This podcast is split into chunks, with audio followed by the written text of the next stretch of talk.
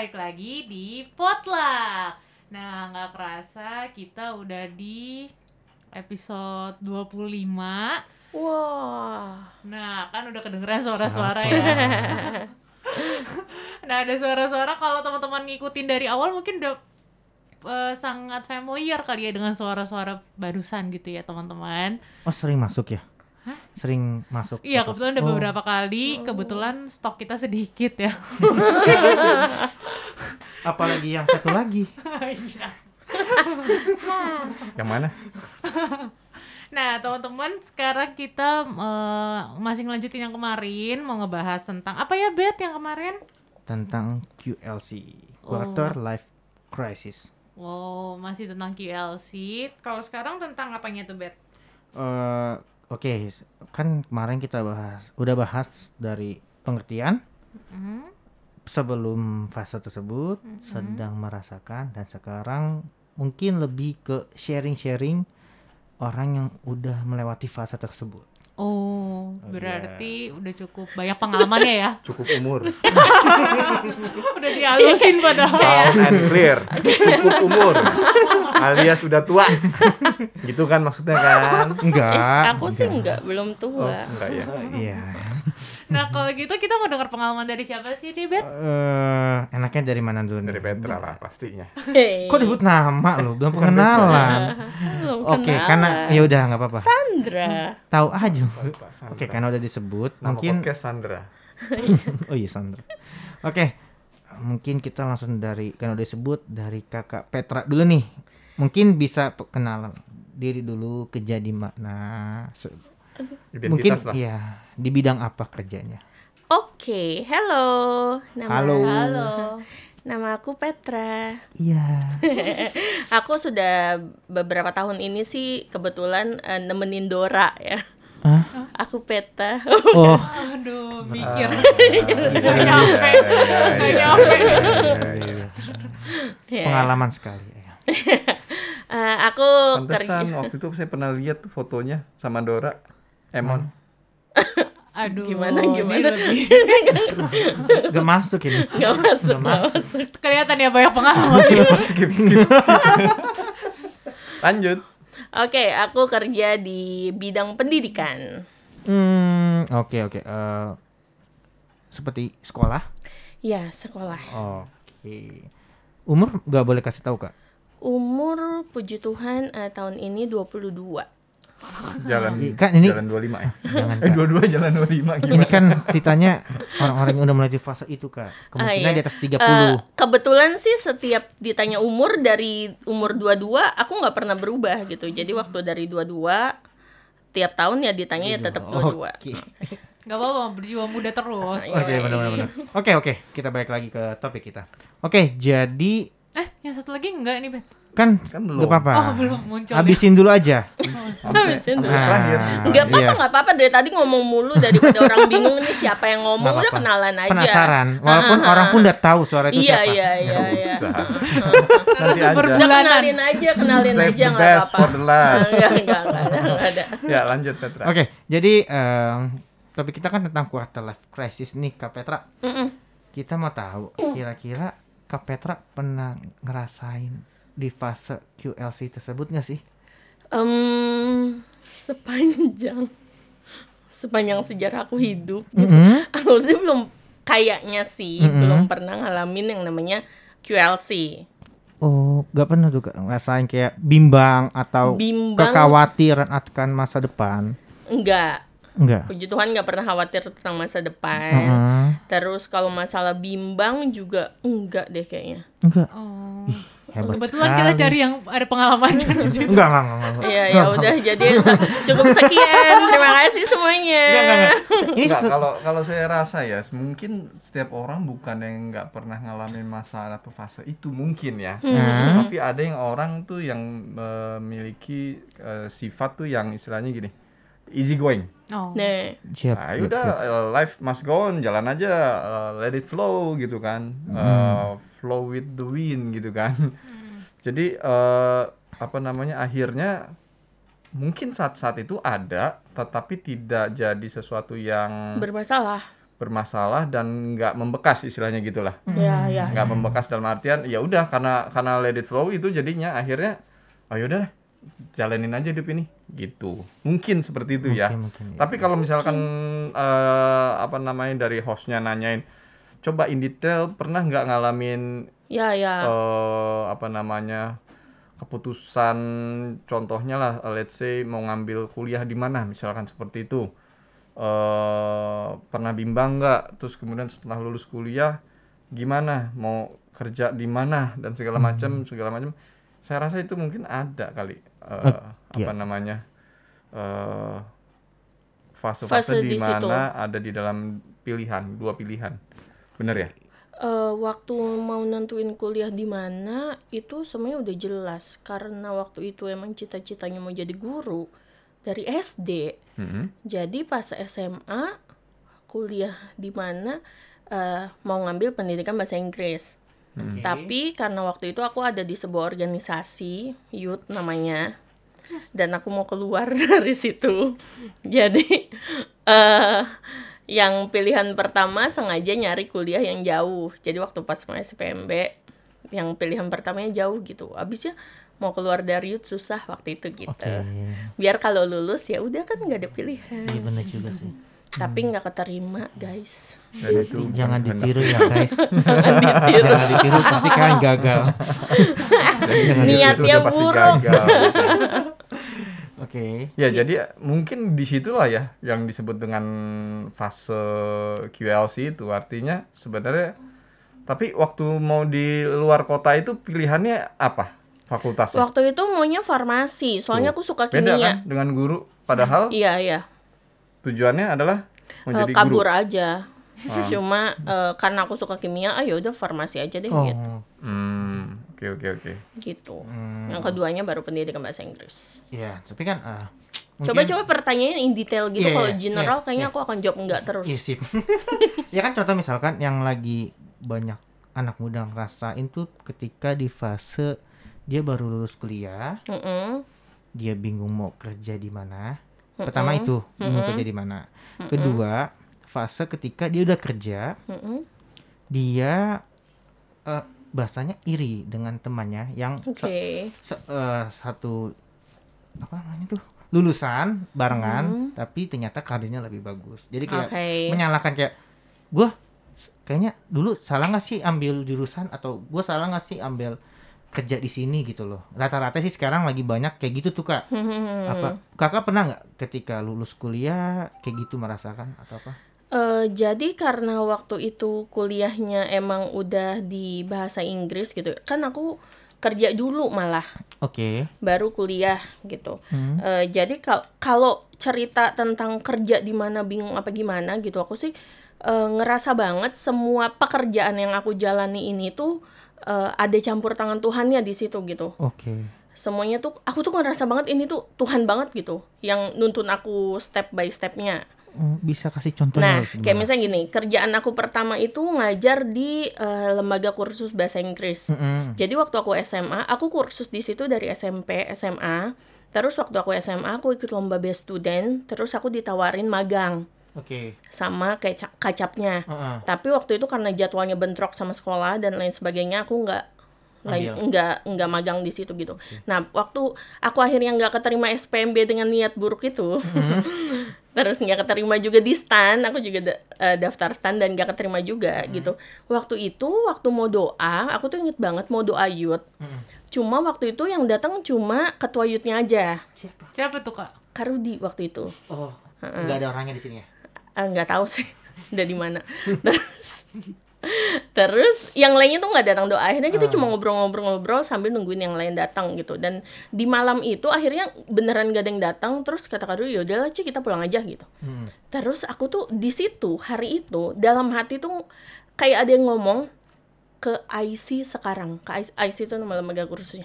Ke IC sekarang ke IC sekarang gitu kayak temuin kacapnya ke IC sekarang Itu kuat banget dalam hati dan karena IC itu berada di depan gereja ya Oh, enak udah ya. nah eh, jadi akunya tuh yang langsung aku ke IC dan kacapnya itu kan sibuk banget Hmm. biasanya tuh jarang ada di tempat dan malam itu ada Hmm. Jadi waktu aku ketemu kacapnya, eh Petra apa kabar? Gimana kuliahnya ditanyain gitu-gitu. Dan pas banget IC tuh lagi mau adain eh rekrutmen gitu kayak kayak apa sih namanya? Training buat guru-guru baru. Oh, Oke. Pas banget Pet, kita mau adain kamu mau di IC aja nggak? Gitu. Oh ya udah Sir, saya juga lagi emang lagi nggak kuliah gitu kan. Ya udah ya udah. Akhirnya aku masuk lah di IC. Hmm. Dan pas masuk di IC itu akhirnya ngajar di situ gitu. Jadi pekerjaan pertama aku di IC. Mm-mm. Dan itu aku ngerasa banget ih itu malam itu pasti suara Tuhan gitu. Oke. Siapa lagi yang bilang ke IC sekarang? Hmm, Iya. pertanyaannya pada saat malam itu ketua Yutnya ikut nggak tuh? Enggak, enggak. Atau Kata yang Yudnya sih ngomong- pulang ya. Enggak, atau yang ngomong itu ketua yutnya? Bukan. Kata Yudnya pulang aja. Dia sih nggak Oke. tahu apa-apa pada malam hari itu. Ketuanya itu yang mana sih? Oke. gitu. Eh, oke, berarti kakak kuliah sambil eh kerja sambil Nah kuliah. iya, nah pas udah di IC itu, terus akhirnya sama kacap yang sama juga ditawarin, Hmm. Pet, kamu gimana kalau misalnya kuliahnya ngambil di Stiba IC aja, Hmm. gitu. Nanti karena kamu ngajar di sini, jadi kamu dapat diskon gitulah. Terus aku bilang lah ke Mimi, wanita mendengar kata diskon, oke Ci masuk situ aja, langsung Oke. gitu. itu dari Tuhan kalau diskon. Akhirnya, Enggak juga ya, enggak, enggak diskon dari Tuhan ya. Terus sih emang cewek kalau ditawarin diskon ya mau aja gitu. Langsung langsung setuju aja. Terus kalau misalnya nanti IP-nya 4 juga dapat diskon lagi gitu. Wah, seru banget jadi. Kayak gitu akhirnya aku kuliah lah di IC itu. Oke. Gitu. Kakak sam setelah eh Nah, setelah, itu kuliah. kerjanya, setelah kuliah, lulus Oke, ah. kuliah. Nah, sebelum aku lulus kuliah, jadi pas itu kan aku ngajar di IC ya, kuliah Hmm. sambil kerja. Itu aku tuh pernah doa sama Tuhan karena ngajar di IC itu sampai malam, Hmm. sampai jam 8-an. Kelas terakhir aku tuh pernah doa, Tuhan aku tuh mau banget punya kerjaan yang cuma dari pagi sampai sore. Sorenya juga early gitu, early afternoon. Hmm. Oh, iya, iya. Jam 2, jam 3, jam 4 gitu udah Itu pulang Siang sih ya. dengan gaji yang lumayan itu siang ya dengan gaji yang lumayan supaya apa supaya malamnya aku bisa ke mall sesimpel itu sih doanya terus Wow. Nih. iya Iya. terus akhirnya eh, Tuhan jawab. nah tiba-tiba Biasa teman Tuhan aku eh, senior aku yang di IC tuh nelfon gitu Hmm. tak ada lowongan nih ngajar TK ngajar eh, di Grand Wisata waktu itu Hmm. terus eh, coba aja terus aku bilang ah enggak deh soalnya kan aku nggak bisa ngajar TK maksudnya aku belum pernah ngajar anak TK aku nggak bisa gambar kayaknya aku nggak di situ deh gitu Hmm. jadi nggak deh nggak gitu. nah setelah seminggu kemudian Hmm. tiba-tiba waktu aku lagi mandi pagi-pagi mau kuliah itu kayak ada suara lagi yang ngomong Mm-mm. bukannya itu doa kamu? Gitu. Oke. bukannya kamu yang minta kerja dari pagi sampai early afternoon dengan gaji yang lumayan dan eh, supaya malamnya bisa ke mall gitu. Bukannya ini bukannya ini doa kamu gitu. Pokoknya dalam hati tuh gitu. Terus aku tuh yang yang langsung mikir lah iya juga ya. Dan aku langsung aku langsung merasa ini mah Tuhan gitu yang ngomong gitu. Orang tiba-tiba ingat gitu. Hmm. Tapi Tuhan udah lama banget gitu. Udah lama banget mungkin udah ada gurunya yang di sana. Atau gini kan aku emang orang itu suka nego sama Tuhan ya. Iya, oke. jadi aku bilang Tuhan gini deh aku akan telepon lagi senior aku itu kalau misalnya dia bilang masih ada lowongannya? Berarti itu emang dari Tuhan. Hmm. tapi kalau misalnya dia bilang ya tak terlambat lagian lama sih berarti itu memang bukan Hmm. aku telepon lah siangnya. Pas aku telepon eh, dia bilang ya udah Gi Petra ada juga nih satu guru yang mau ngelamar hari ini. Hmm. dulu duluan deh siapa yang duluan gitu. Tapi pada hari itu aku ngajar di eh Bonlap. SMA 1 Tambun. Oh, di satu sekolah. Eh, eh, di satu Oke. sekolah. Eh, terus ya aku pasti akan belakangan gitu aku akan nyampe belakangan. Jadi dalam hati aku ya udahlah Tuhan terserah aja gitu. Iya. nah pas siangnya aku ke sana ternyata yang teman aku yang datang duluan pagi-pagi itu Hmm. di interviewnya tuh cuma ala kadarnya. Tapi waktu aku datang aku tuh yang di interview yang udah sampai sekalian ngomongin gaji dan segala macam gitu. Dan bener aku yang diterima dia yang enggak gitu walaupun duluan temen aku itu. Kayak gitu. Jadi aku sekali lagi aku bilang ah ini mah emang dari Tuhan gitu. Emang Hmm. emang Tuhan mau ngejawab doa aku yang ini. Kayak gitu. Nah setelah akhirnya sampai aku selesai eh aku selesai aku tujuh tahun sekian bulan di sana gitu terus aku sakit akhirnya aku eh, keluar. Terus setelah aku keluar itu kan aku harus kerja lagi kan? Iya benar. masa aku nggak kerja? Gitu gimana dengan shopiku keranjang aku gitu. Terus aku tuh waktu lagi bingung nggak bingung sih aku tuh udah langsung ya udah aku akan ngajar lagi. Aku ketemulah sama senior aku yang awalnya nawarin eh, aku di TK itu. Hmm. ternyata dia juga keluar. Dia bilang tak aku buka sekolah. Mau join nggak? Hmm. aku bilang "Eh, ah nggak deh. Aku mau ngajar SD aja. Aku nggak mau ngajar TK lagi. Hmm. gitu. Karena kan abis operasi gitu. Jadi kayaknya ngajar SD lebih nggak capek lah dibanding ngajar TK aku pikir. Nah terus udah berapa lama berapa lama? Akhirnya aku eh, ngelamar lah di salah satu sekolah swasta gitu. Hmm. yang cukup gede yang lumayan. Oke. eh supaya dalam payangan aku oh kalau sekolah di sini kayak prospeknya lebih bagus gitu. Yap.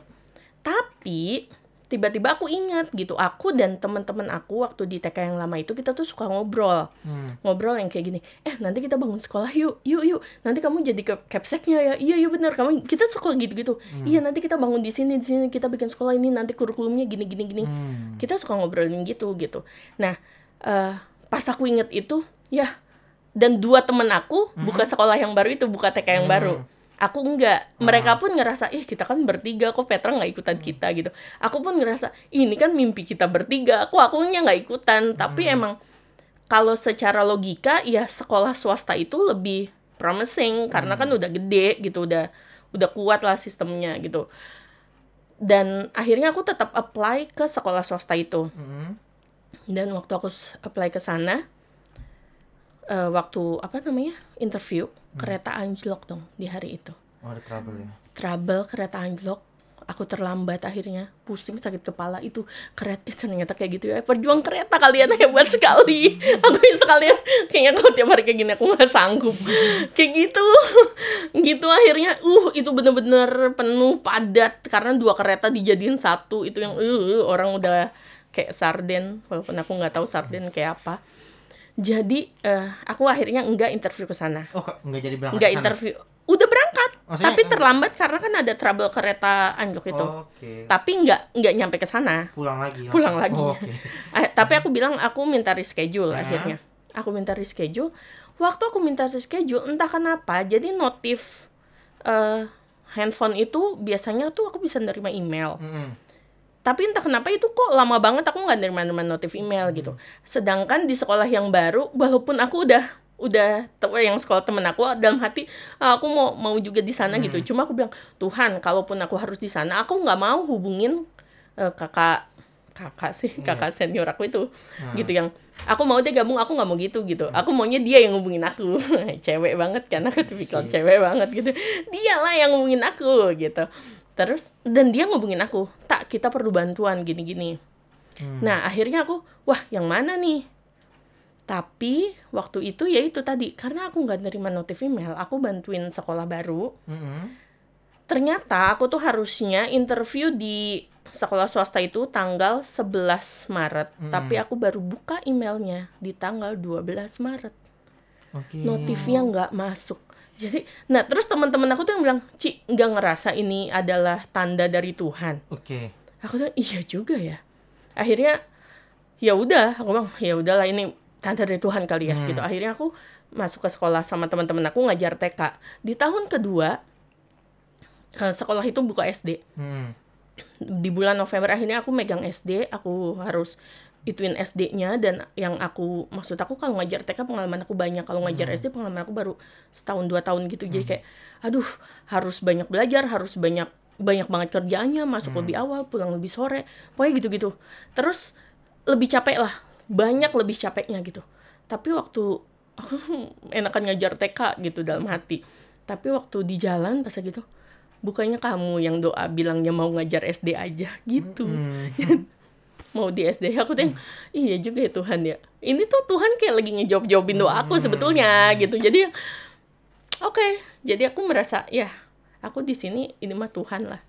Gitu. Jadi Jadi sebenarnya sebenarnya krisisnya itu ada gitu ya. Ya ya ya ya. Cuman eh, puji Tuhannya tuh dijawabnya cepet. Iya. Iya iya iya iya. iya. Iya iya. Dijawabnya cepet aja. Iya. Tak tak ditanya dijawab, ditanya Iya, dijawab, iya, ditanya iya. dijawab, ditanya dijawab. Jadi gitu. belum dilema gitu ya kak. Iya, nggak nyampe nggak nyampe ke dalam fase yang ah, Jadi baru gitu ya. flu aja nggak nyampe ICU. Iya, iya, Oke iya. oke seru seru seru. gitu. Terus kak itu kan kalau kalau dari sisi apa namanya karir gitu ya. Terus kalau misalnya Kelsey itu kan juga eh, ada dalam part-part orang ngerasa tentang pasangan nih misalnya. Nah, Nah, ini lebih panjang kayak ceritanya. Eh, tuh, lebih panjang. tentang pasangan juga sebenarnya eh kalau tentang pasangan kalau itu sih aku tahu sih maksudnya eh, I made a mistake in the past gitu. Uh, that's the crisis or? that's not a crisis. Itu sih Ah. kayaknya crisis dibikin sendiri ya gitu maksudnya. Salah sendiri gitu. Eh let's not talk about it. Oke. Ah, tolong tetap Loh, dijaga. enggak, enggak. maksudnya di sini kan supaya juga saling apa namanya berbagi. Fasenya itu yang eh, I don't know what kind of eh, mistakes yang dibuat seperti apa gitu Tolong tapi bahasa Indonesia ya kakak-kakak. tolong tolong nih tolong. in generalnya Takutnya tuh buat seperti laki sih apa gitu banyak yang ngerti. eh ah hostnya aja kali ngerti kok kalau itu. oke ini on air ya saudara-saudara Kan bisa cut. Tenang bisa dikat. Eh, yang sekarang aja lah ya Oh, sekarang enggak maksudnya kan itu apa namanya eh, supaya setiap kita kan bisa belajar nih bahwa fase itu pernah dialami mungkin sama anak-anak yang sekarang juga nih gitu loh. Fase itu di- pernah dialami di anak-anak sekarang yang memang you know that's wrong tapi seperti anda tahu sekali cerita oh, saya. enggak, saya nggak tahu jujur. Boleh kan tadi dibilang mistake kan tadi dibilang mistake iya kan? Gitu jadi eh, nah mungkin bisa di share itu jadi eh, di masa serius aja ya kalau yang eh, tadi apa masalah hubungan waktu masih sekolah sih nggak usah kita bahas Iya. eh saya pernah punya pasangan yang saya tahu sebenarnya itu salah gitu karena kami berbeda keyakinan. Mm-mm. Eh, dia yakin aku sayang sama dia, akunya nggak yakin. Bener sih. itu boleh jadi lagu tuh Gitu. enggak, enggak, enggak. Eh, keyakinan kita beda gitu. Beda keyakinan dan it's been quite a long time. Ngerti kan ya subtitle di Iya. bawah ini gitu. Ya agak lama di situ dan walaupun tahu itu salah, sebenarnya aku juga tahu itu salah dari sebelum mulai juga udah tahu itu salah.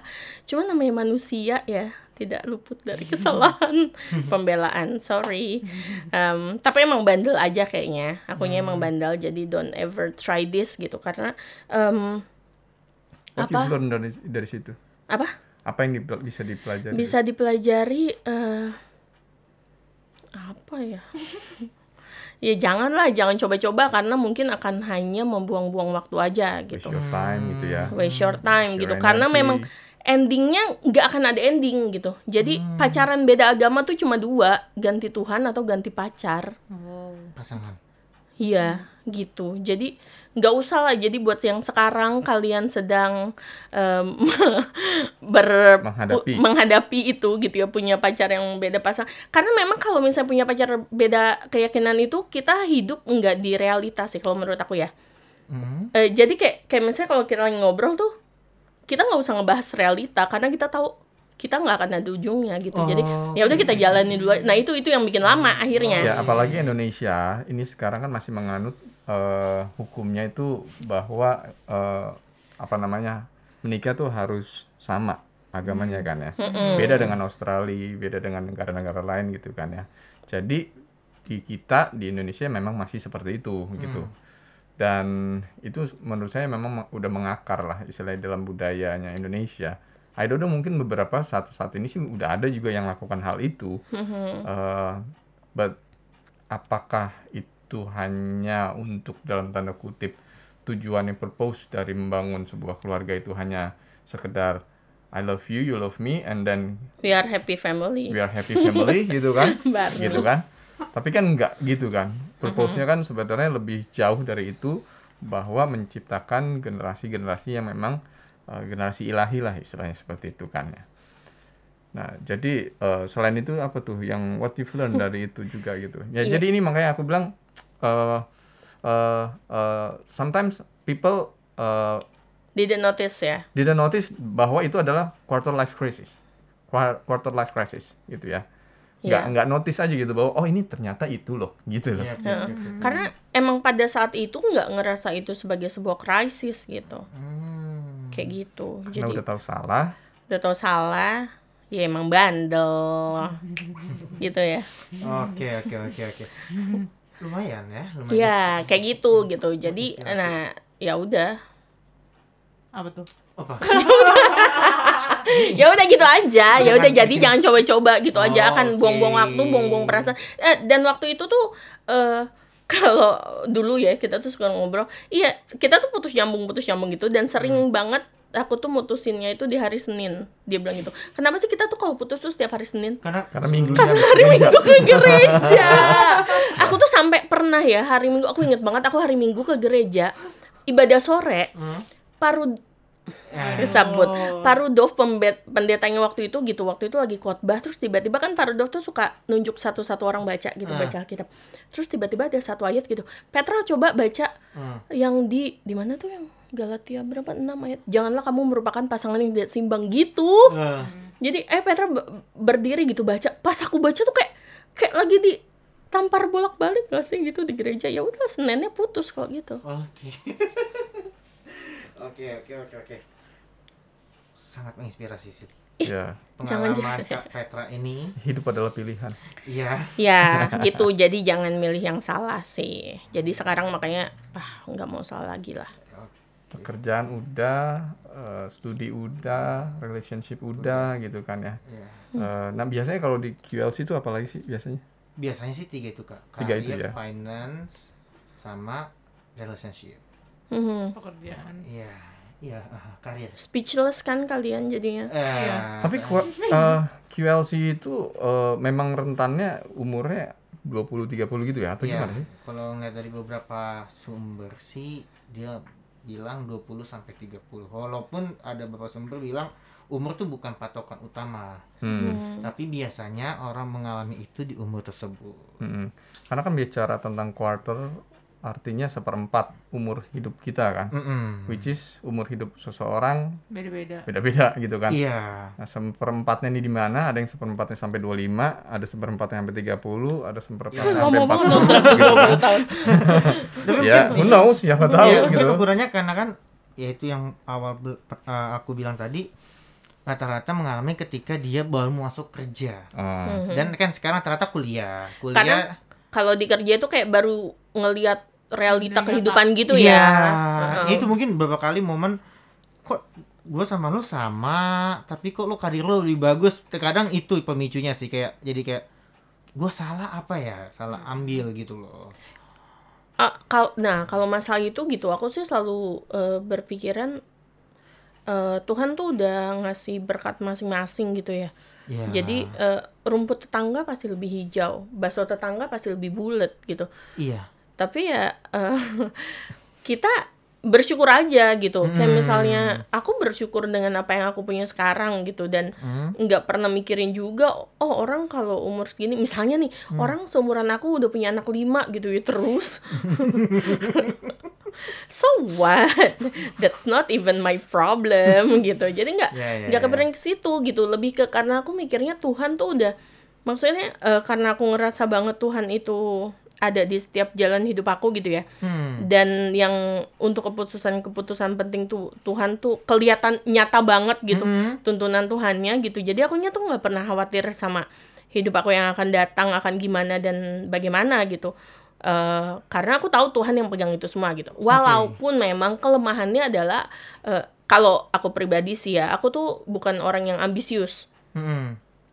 akhirnya aku tidak tidak harus mencapai apa dalam hidup gitu. Nah itu juga sih yang bikin aku nggak ngerasa ada di fase eh, tadi QLC itu gitu karena Hmm.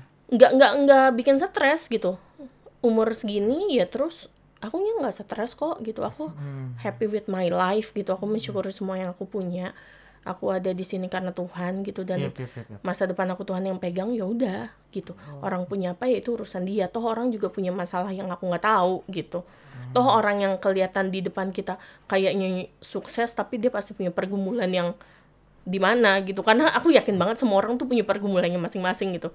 Dan punya kebahagiaannya masing-masing gitu. Jadi eh ya kita nggak tahu gitu. Makanya jadi nggak nggak harus ngelihat orang terus yang ih apa? Nah aku juga nggak pernah yang kalau misalnya dia sesukses itu apa aku salah?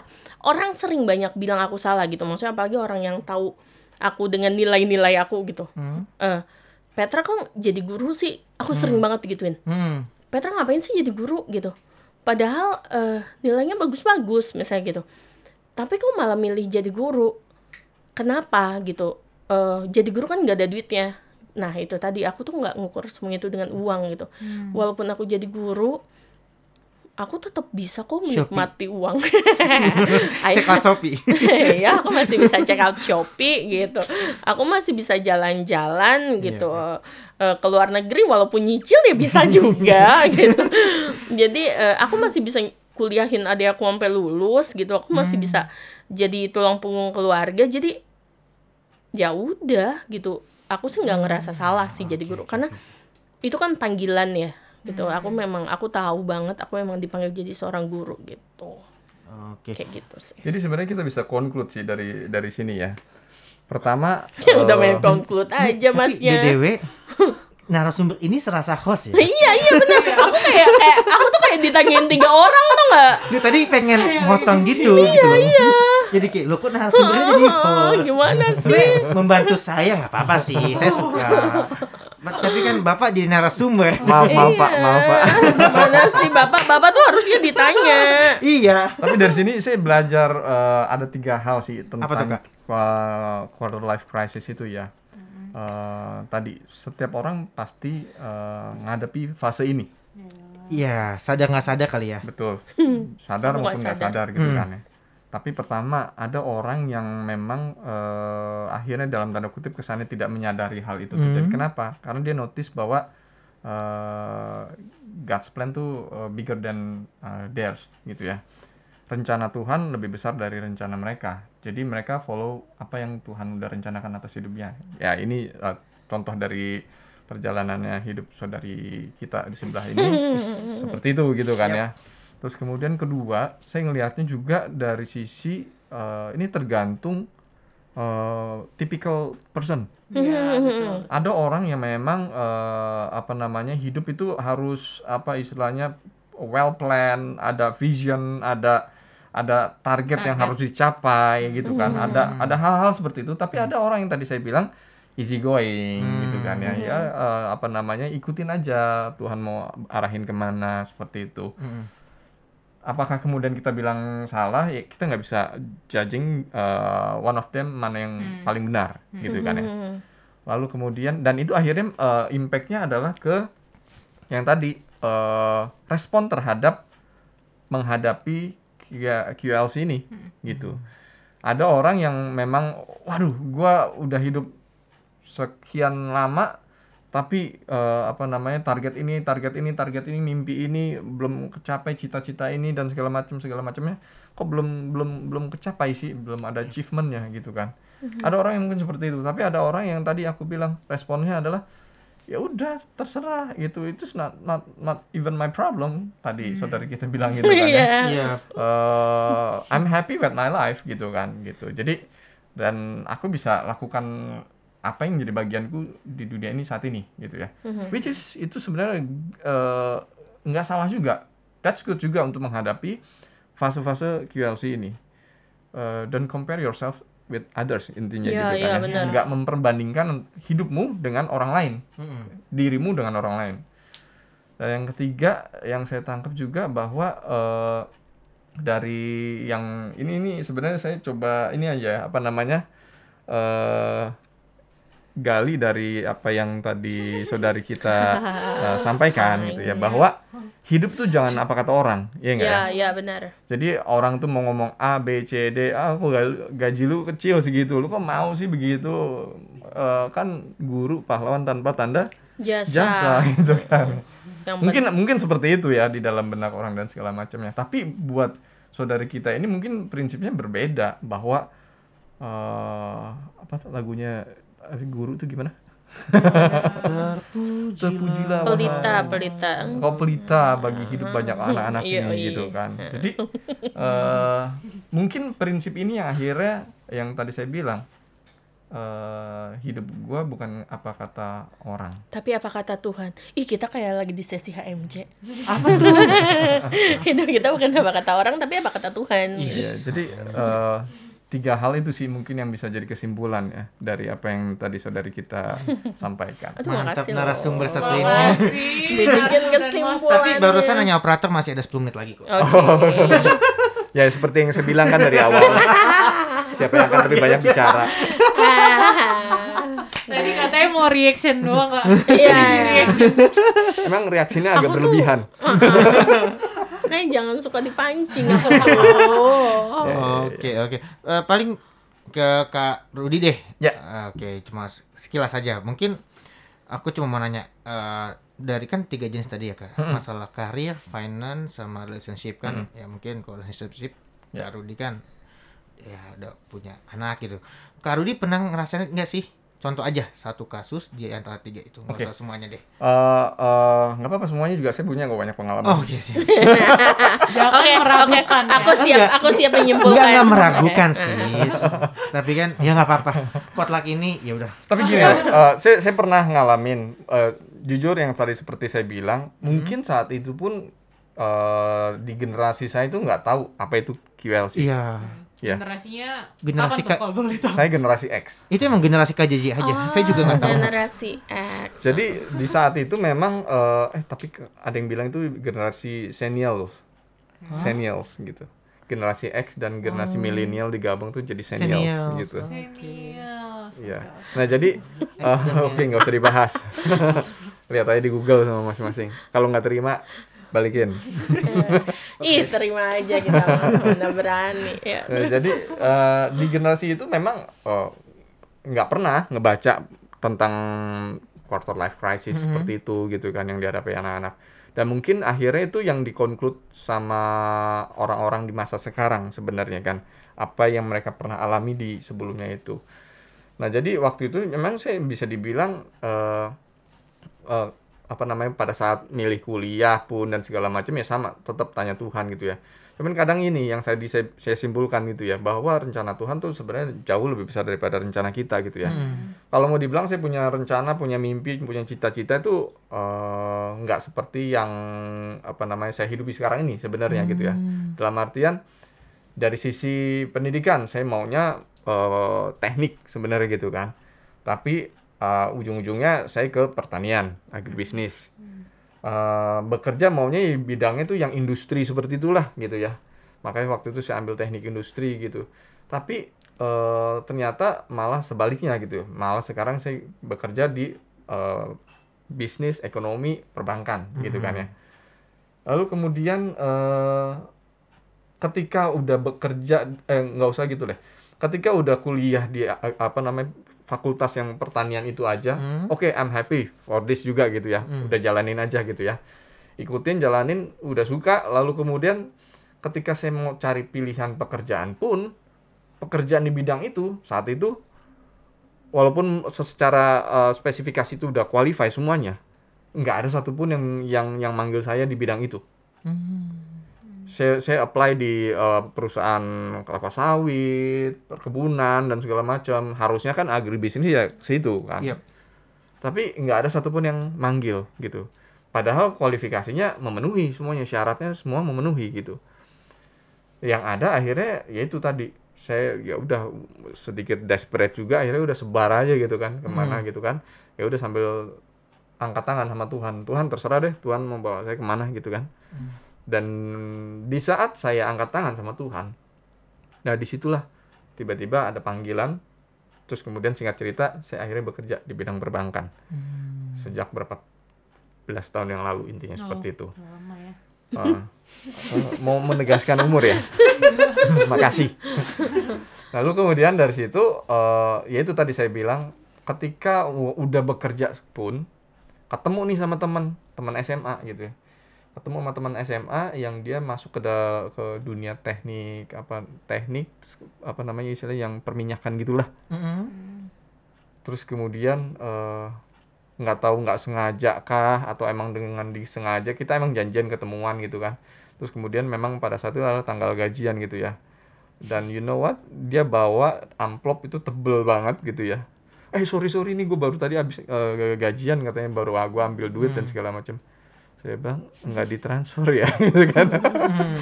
Gajinya nggak ditransfer ya. Tapi dari situ akhirnya muncul benar. Eh, wow gila banget ya. Gue kok jauh banget nih. Ih, siapa tahu itu 2000-an semua. enggak lah. Kakak. Aku nggak pernah segajian gitu. iya kan Eh, jadi akhirnya itu mungkin kalau dihitung-hitung eh, dua belas setengah persen saya lah dari dia. Wow. Ah, perpuluhan lebih dikit. jadi jadi saya bilang ini seumur saya tapi jauh banget nih gitu kan Hmm. jadi sementara waktu saya sekolah gitu sama dia Hmm. itu eh, istilahnya kita selalu beda tipis lah dari sisi prestasi dan lain-lain gitu kan ya. Jadi saya, saya, saya sempat questioning juga nih, nih Tuhan, ini gimana nih gitu kan? Mungkin yang tadi saya bilang, saya tipikal orang yang punya target dalam hidup, punya punya visi dalam hidup gitu kan. Jadi eh, agak berbeda dan memang akhirnya di situ imbasnya adalah lu stres sendiri. Hmm. Iya. Kenapa? Orang itu bisa, kok gue nggak bisa gitu kan? Orang itu bisa mencapai itu, kok gue nggak bisa mencapai itu? Akhirnya saya coba apply juga tuh nggak ke perusahaan yang tempat dia bekerja. oke Dan yang lucunya adalah, pengen ngerasain amplop ya yes, saya mau tahu gajian di amplopin tuh gimana gitu. Dan amplopnya nggak cukup gitu kan? Dan kemudian akhirnya eh, yang lucunya adalah waktu saya apply, Hmm. eh, saya tuh salah nulis nama PT-nya. Jadi saya bilang forget it lah untuk dipanggil. Jadi udah udah nggak mungkin dipanggil lah istilahnya. Dari situ ya udah, ya udah jalanin aja deh akhirnya gitu kan ya. Lalu kemudian ya itu dari situ sih ya. Kalau dari sisi relationship kebetulan memang saya agak sedikit eh, apa namanya hati-hati soal ini gitu ya. Mhm. karena saya selalu punya prinsipnya eh, satu aja gitu sekali aja dan itu selamanya intinya seperti itu. Jadi nah dari situ eh, akhirnya keputusan-keputusan yang mau diambil itu bener-bener kayak yang dalam tanda kutip ditanya banget digumulin banget ya. Padahal dalam tanda kutip saat saat itu istilahnya umur-umur itu eh, dia udah suka gua gua udah suka dia kita kayaknya udah nyambung dan segala macamnya mungkin singkat cerita harusnya bisa jadian Hmm. gitu ya. Tapi eh, saat itu eh, apa namanya saya te- terus berdoa dan nggak pernah nggak pernah kejadian hal-hal kayak gitu gitu. Jadi eh, akhirnya memang tadi balik lagi ya yang tiga kesimpulan itu sih tadi saya bilang Hmm. bahwa eh gantian dong kak yang nyimpulin Oh, Oh, nggak usah, iya. kan tadi saya udah simpulin. gitu. Jadi jadi ya ya begitulah tentang QLC gitu ya. Eh, oke tapi kan kalau Kak Rudi ngerasain nih kak Hmm. ada nggak sih kak Sebenarnya sebenarnya kalau mau dibilang ngerasain saat Hmm. itu Nggak tahu. ngerasain tapi nggak Iya, notice itu iya. yang tadi saya Kan bilang. sekarang kan akhirnya notice kalau itu QLC Yep. setelah Kak Rudi kan Kak Rudi ngerasain eh, terus Kak Rudi kira-kira ada nggak sih kak dampak positif ketika kakak em, merasakan fase tersebut Satu ya, dampak positifnya sebenarnya gini, karena yang tadi saya bilang Mhm. saya tipikal orang yang punya target gitu dalam hidup.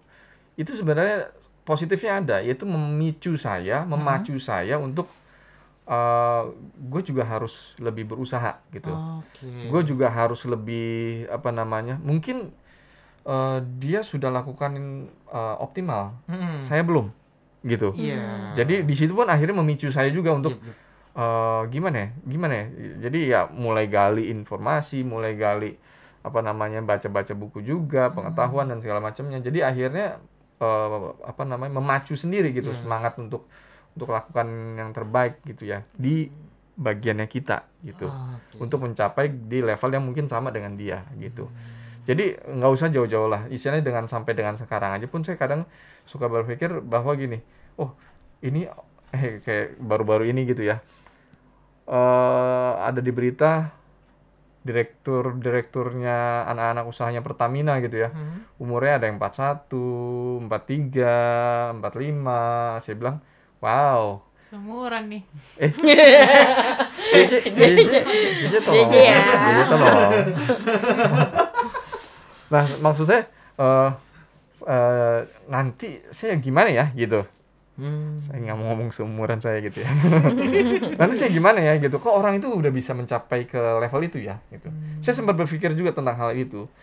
Tapi kemudian akhirnya ya ya eh, itu bicara yang tadi beda beda beda permasalahan setiap orang gitu ya beda personality setiap orang juga gitu. Yang ya itu istilahnya mungkin dalam tanda kutip eh, jalannya dia itu seperti saudari kita sebelah ini bahwa oh dia memang orang kalau kalian baca kan berita itu kan memang ini orang-orang yang udah dipilih dan kemudian di train terus kemudian dididik gitu kan. Lalu kemudian akhirnya dia muncul jadi eh, orang-orang nomor satu di anak-anak usahanya eh, perusahaan BUMN ini gitu kan ya.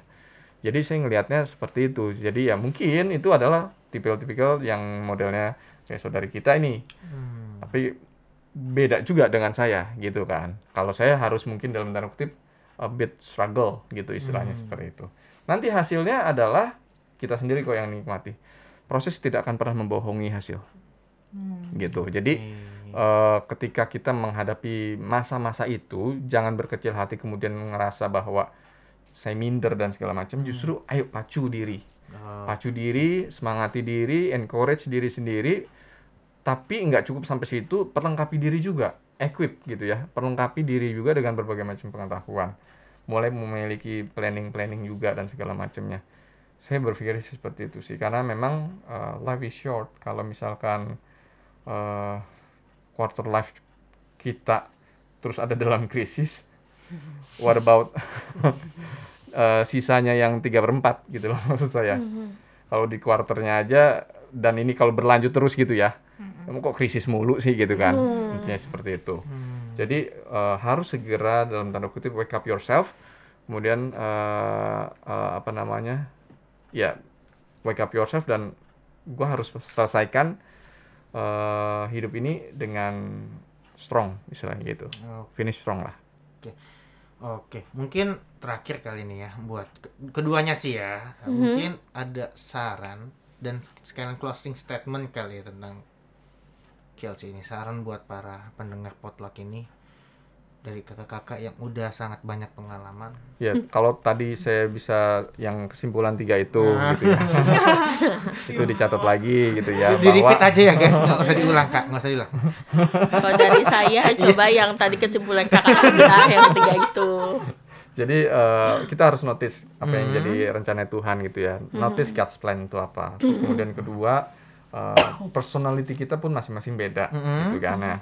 Eh, jadi akhirnya meresponi ketika menghadapi fase itu pun bisa berbeda-beda. Ya. mana yang benar, mana yang salah, mana yang tepat, mana yang tidak, nggak ada yang bisa ngukur sebenarnya menurut saya sih ya.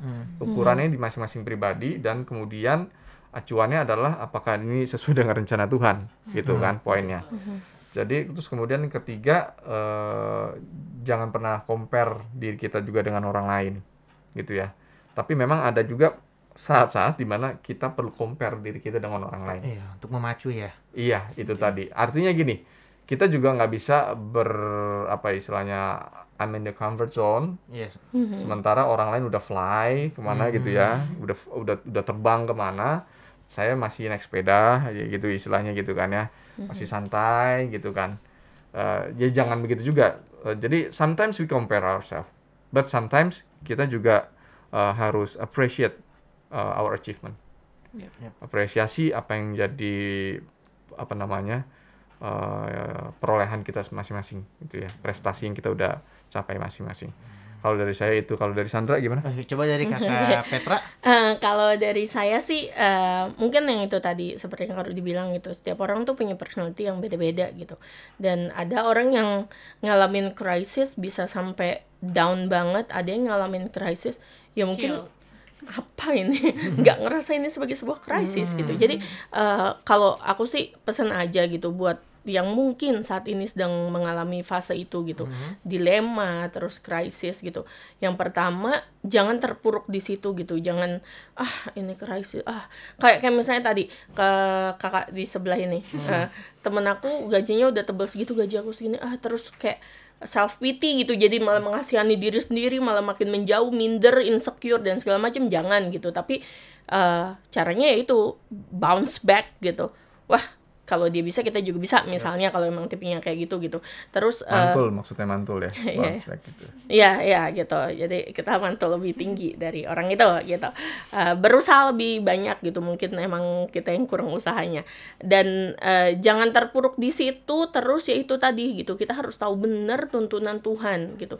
Karena kalau misalnya kita udah tahu rencana Tuhan dalam hidup kita itu nggak bakal bikin stres gitu. Iya. Kayak kayak yang bikin stres adalah ketika kita nggak tahu kita harus apa. Itu kan yang bikin stres itu waktu ketidaktahuan itu yang bikin stres gitu. Tapi kalau memang kita tahu oh Tuhan arahinnya ke sini. Oh, oh ini tuh Tuhan karena Tuhan rencanain itu gitu dan eh, itu nggak akan membuat kita jadi stres kayak gitu. Jadi em, harus benar-benar tanya Tuhan di setiap fase dalam hidup kita gitu. Pastiin benar-benar eh, apakah ini rencana Tuhan apa enggak gitu karena rencana Tuhan nggak pernah salah gitu. Iya. Walaupun kadang kita ngelihat kayaknya buat kita ini adalah sebuah kerugian gitu atau kesalahan yang menurut kita mungkin itu sebuah kesalahan tapi enggak Tuhan pasti nempatin kita di situ demi ada ada alasannya gitu. Ada alasan kenapa hal itu harus terjadi di hidup kita dan alasannya itu buat kebaikan buat kita dan juga buat kebaikan untuk orang di sekeliling kita mungkin. Tapi kalau ada orang Gitu. yang saat ini ada di in the midst of the mistake, Mhm.